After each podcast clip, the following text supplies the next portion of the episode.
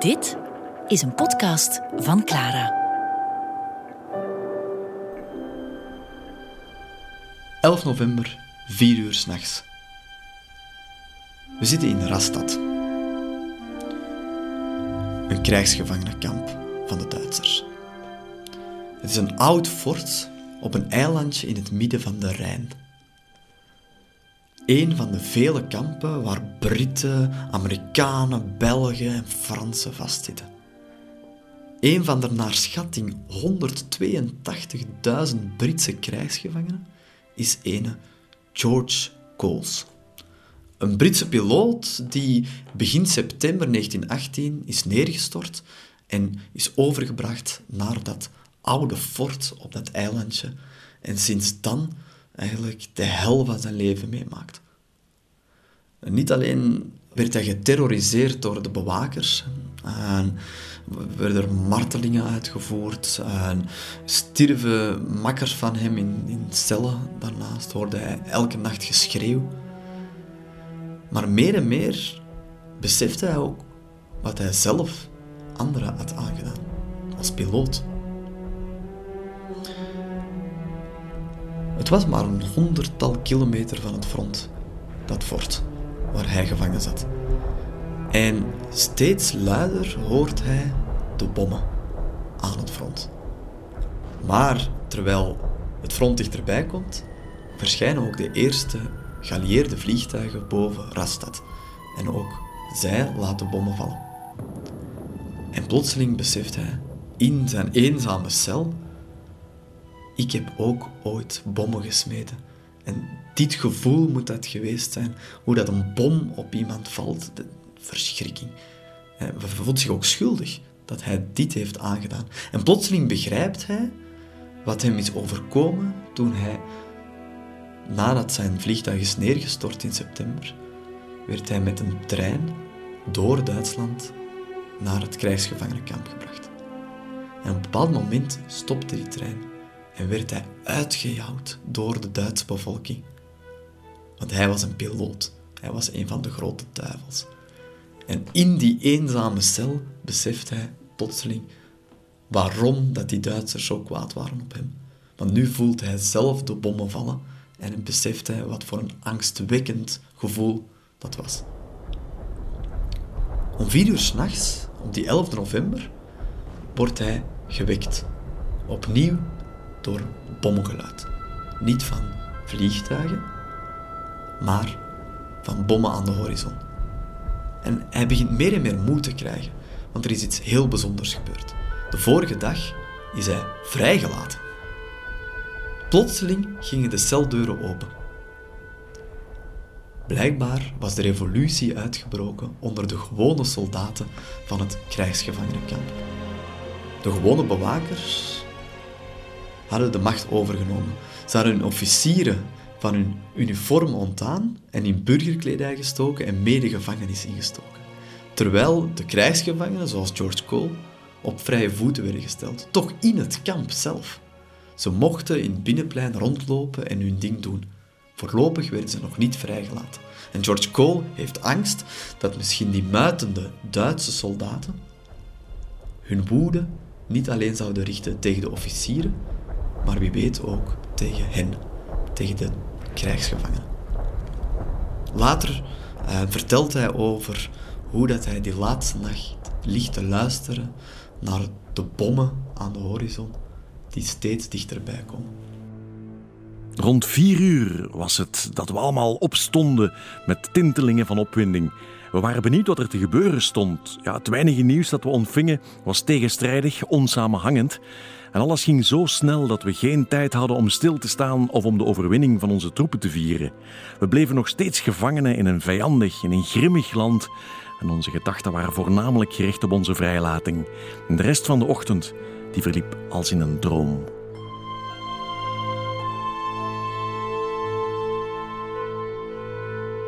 George Coles zou die dag niet vrijkomen. Pas een kleine maand later was hij terug in Groot-Brittannië. Waarom vind ik het belangrijk dat het verhaal van George Coles en de vele andere krijgsgevangenen toch ook verteld wordt? Omdat wij honderd jaar later een idee hebben dat het oorlogseinde kwam en dat dan de militairen naar huis mochten. Maar het was voor 2,4 miljoen krijgsgevangenen over het hele front niet zo. Zij zaten in kampen. Het ging over meer dan 180.000 Britten, meer dan een half miljoen Fransen, 46.000 Belgen en 2400 Amerikanen. Daarnaast staat er nog 110.000 burgers, heel veel Belgen daaronder, vast in kampen. Van de 161 Belgische militairen, waarvan we weten dat ze op 10 en 11 november gesneuveld zijn, waren er 16 krijgsgevangenen. En daar probeer je je voor te stellen, ook enkele in die nacht, die daar eenzaam in een cel of in een barak sterven. Veel van hen zijn gestorven aan de Spaanse griep. Eenzaam en alleen, ze hebben hun leven letterlijk gegeven voor hun vaderland. Maar ze hebben weinig van de glorie gezien van de overwinning op de Duitsers. Natuurlijk waren er ook Duitse krijgsgevangenen. En zij waren met bijna 800.000. En voor hen zal het oorlogseinde nog heel lang op zich laten wachten. Want vele van hen zitten vast in kampen in Italië, in Rusland, in Frankrijk. En zij worden nog ingeschakeld om de puinen op te ruimen. Want in de onderhandelingen over de wapenstilstand wordt er eigenlijk weinig rekening gehouden met die toch ja, bijna 800.000 Duitse krijgsgevangenen. De geallieerde krijgsgevangenen die zullen snel naar huis mogen, maar de Duitsers moeten nog heel lang wachten, soms zelfs jaren. George Coles is de nadagen van 11 november vrijgelaten, maar tegen dat hij over de kapotgeschoten fronten, tegen dat hij thuis was in Groot-Brittannië, was er een maand voorbij. En ja, deze dwaaltochten moet je je ook voorstellen op het einde van de Eerste Wereldoorlog. Dus maandenlang, wekenlang, zijn niet alleen krijgsgevangenen die naar huis proberen te keren, maar ook vluchtelingen. Honderdduizenden mensen die krijgsgevangenen waren genomen en plotseling waren vrijgelaten. En iedereen die probeert thuis te geraken.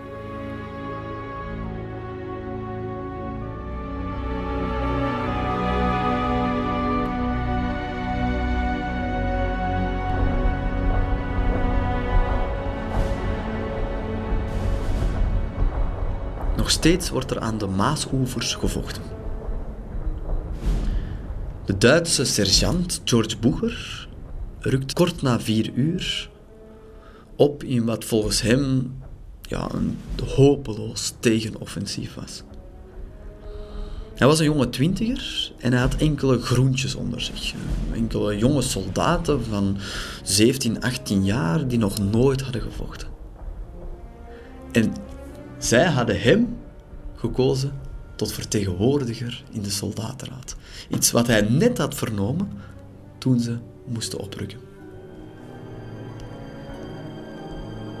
En toen hij aan de frontlinie verscheen, zag hij de lijken liggen van zijn gevallen landgenoten, kriskras door elkaar in de modder. En wat hij dan meemaakt, is bijna te absurd voor woorden. Hij komt daar aan, hij moet de andere troepen aflossen met die jonge gastjes onder hem. En hij is uiteraard bezorgd over die mannen, want ja, 17 jaar, wat weten die, wat kunnen die? En hij ziet daar die lijken liggen, gestorven door gasaanvallen van de Amerikanen. En dan moet hij samen met de jongelingen ten aanval trekken. Hij ziet de troepen die hij gaat aflossen. En vraagt zich luidop af: zijn dit de troepen die wij moeten vervangen? Waren dit de troepen die we moesten aflossen? Ik zag tientallen bewegingloze, ineengekrompen vormen. Ze waren alle vergast. Konden er maar moeilijk doorheen. Ik duwde mijn op elkaar gepakte manschappen opzij om bij een grote, wat oudere man te komen aan wie zeven verdwaasde vogelverschrikkers zich vastklampten. Zijn gezicht stond stijf van de modder, waarin zweet lijnen had getrokken, zodat hij wel een zebra leek. Hij zei: Jullie zullen nogal een tijd beleven. Die Amerikanen zijn strijdvaardig als wilde beesten. We hebben drie aanvallen te verduren gehad vandaag. Ze kunnen zelfs niet wachten om ons deftig uit te roeien. Ze smijten liever om de vijf minuten enkele miljoenen granaten en dan komen ze met de bajonet. De meeste verliezen leiden we door hun piloten. Gas doet de rest. Al nieuws over de wapenstilstand? Ik heb nog niets gehoord, antwoordde ik, waarop de man repliceerde. De politici zullen in actie moeten treden, of ook een beurt in de loopgraven op zich moeten nemen. Wel, veel geluk gewenst.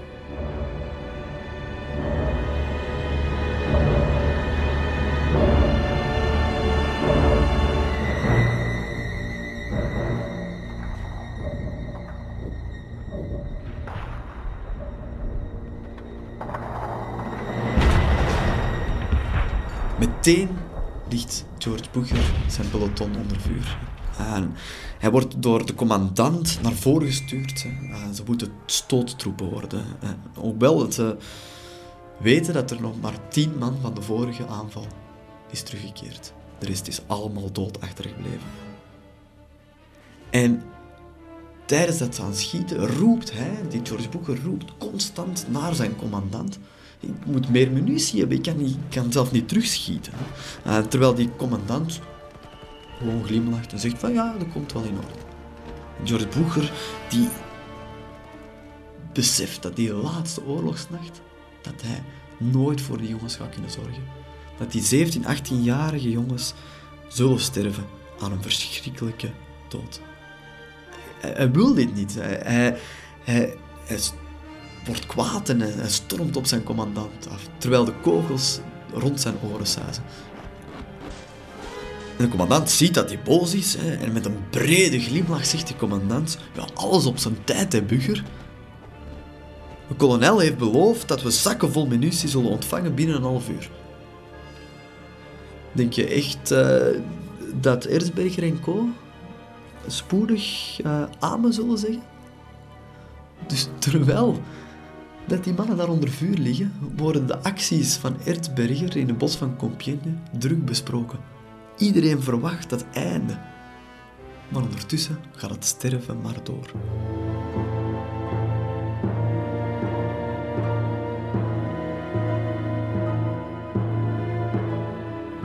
Aan de Amerikaanse kant van het front zijn er nog steeds duizenden de oversteek aan het wagen van de Maas. Dit is al uren bezig en tientallen zijn al gesneuveld. En ene sergeant Melvin Krulowicz vertelt over hoe dat ze al dagenlang de Duitsers aan het opjagen zijn. En hij houdt, bizar genoeg, de moed er nog een beetje in. We zaten meedogenloos achter hen aan. Nacht na nacht, dag na dag. De Duitsers lieten hun voedsel, bagage en rantsoenwagens achter. Eerst dachten we dat hun dode paarden door granaten geraakt waren. Toen zagen we dat ze vakkundig versneden waren en wisten we dat de Duitsers zo'n honger hadden dat ze paarden neerschoten en er stukken uitsneden.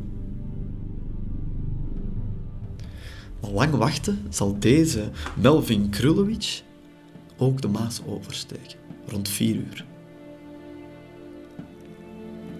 Hij vertelt hoe dat ze na de oversteek overal aan de oever jongens zien liggen. En dat ze de jongens daar op de grond liggen te creperen, door kogels en, en, en gasgranaten geraakt. Hè. Gestikt in het gas, verdronken in de Maas. En ze eigenlijk nog verwachten dat de Duitsers zullen aanvallen. Dus ze moeten verder. En ze trekken de bossen in. Ze klimmen op de rotsen aan de oever van de Maas. En ze zullen verder blijven strijden de hele nacht.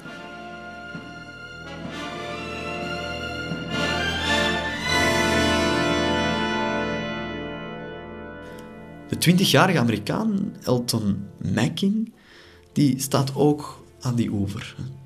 En hij vertelt dat hij die nacht jongens verloor waar hij van hield. Die nacht verloor ik jongens waar ik van hield. Ons bataljon van duizend manschappen was al tot 353 gereduceerd door de griep, ziektes en neergeschoten mannen. Hoeveel van hen raakten over die brug voor de Duitsers ze afschoot? Urenlang stonden wij dicht op elkaar gepakt, te wachten aan de oever. Nu was het onze beurt om over te steken. Ik zag de drijvende brug halfweg de Maas in de mist verdwijnen. Door het dikke nevelgordijn ontwaarde ik aan de overkant de korte lichtflitsen, afkomstig van het Duitse geweervuur. Een majoor blies op zijn fluitje en de mariniers van de tweede divisie kwamen in beweging. Al meteen kwam het water tot mijn enkels en de genietroepen riepen dat we ons moesten haasten, want de pontonbrug stond op zinken.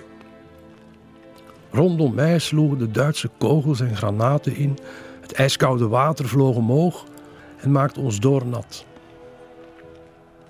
Voor mij zag ik een man wankelen tussen twee pontons. Hij viel in het zwarte water en verdween. Toen ik eindelijk de overkant bereikt had, begreep ik niet hoe ik dit had kunnen overleven. Bij een ander regiment dat wat verderop was overgestoken, was de brug vernietigd door de artillerie. Zij kwamen allemaal terug in lijkzakken.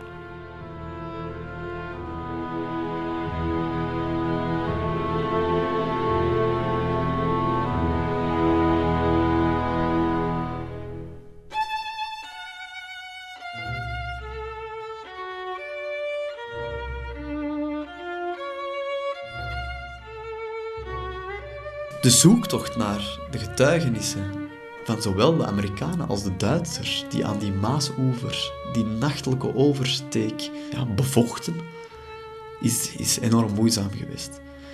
Niet alleen waren de verschillende divisies van de Amerikanen tegelijk bezig met een heel chaotische oversteek, de getuigenissen die daarover gemaakt zijn, uh, ja, zijn al even verspreid als de troepen toen.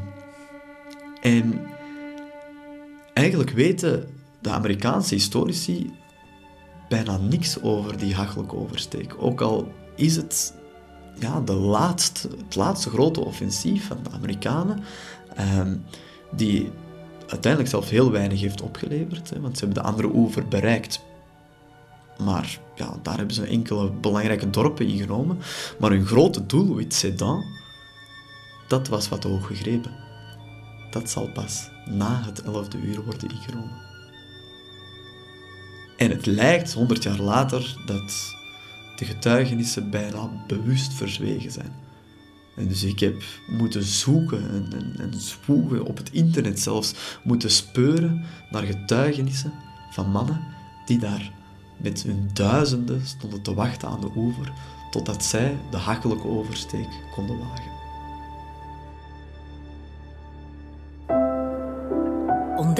Onze andere podcasts via clara.be.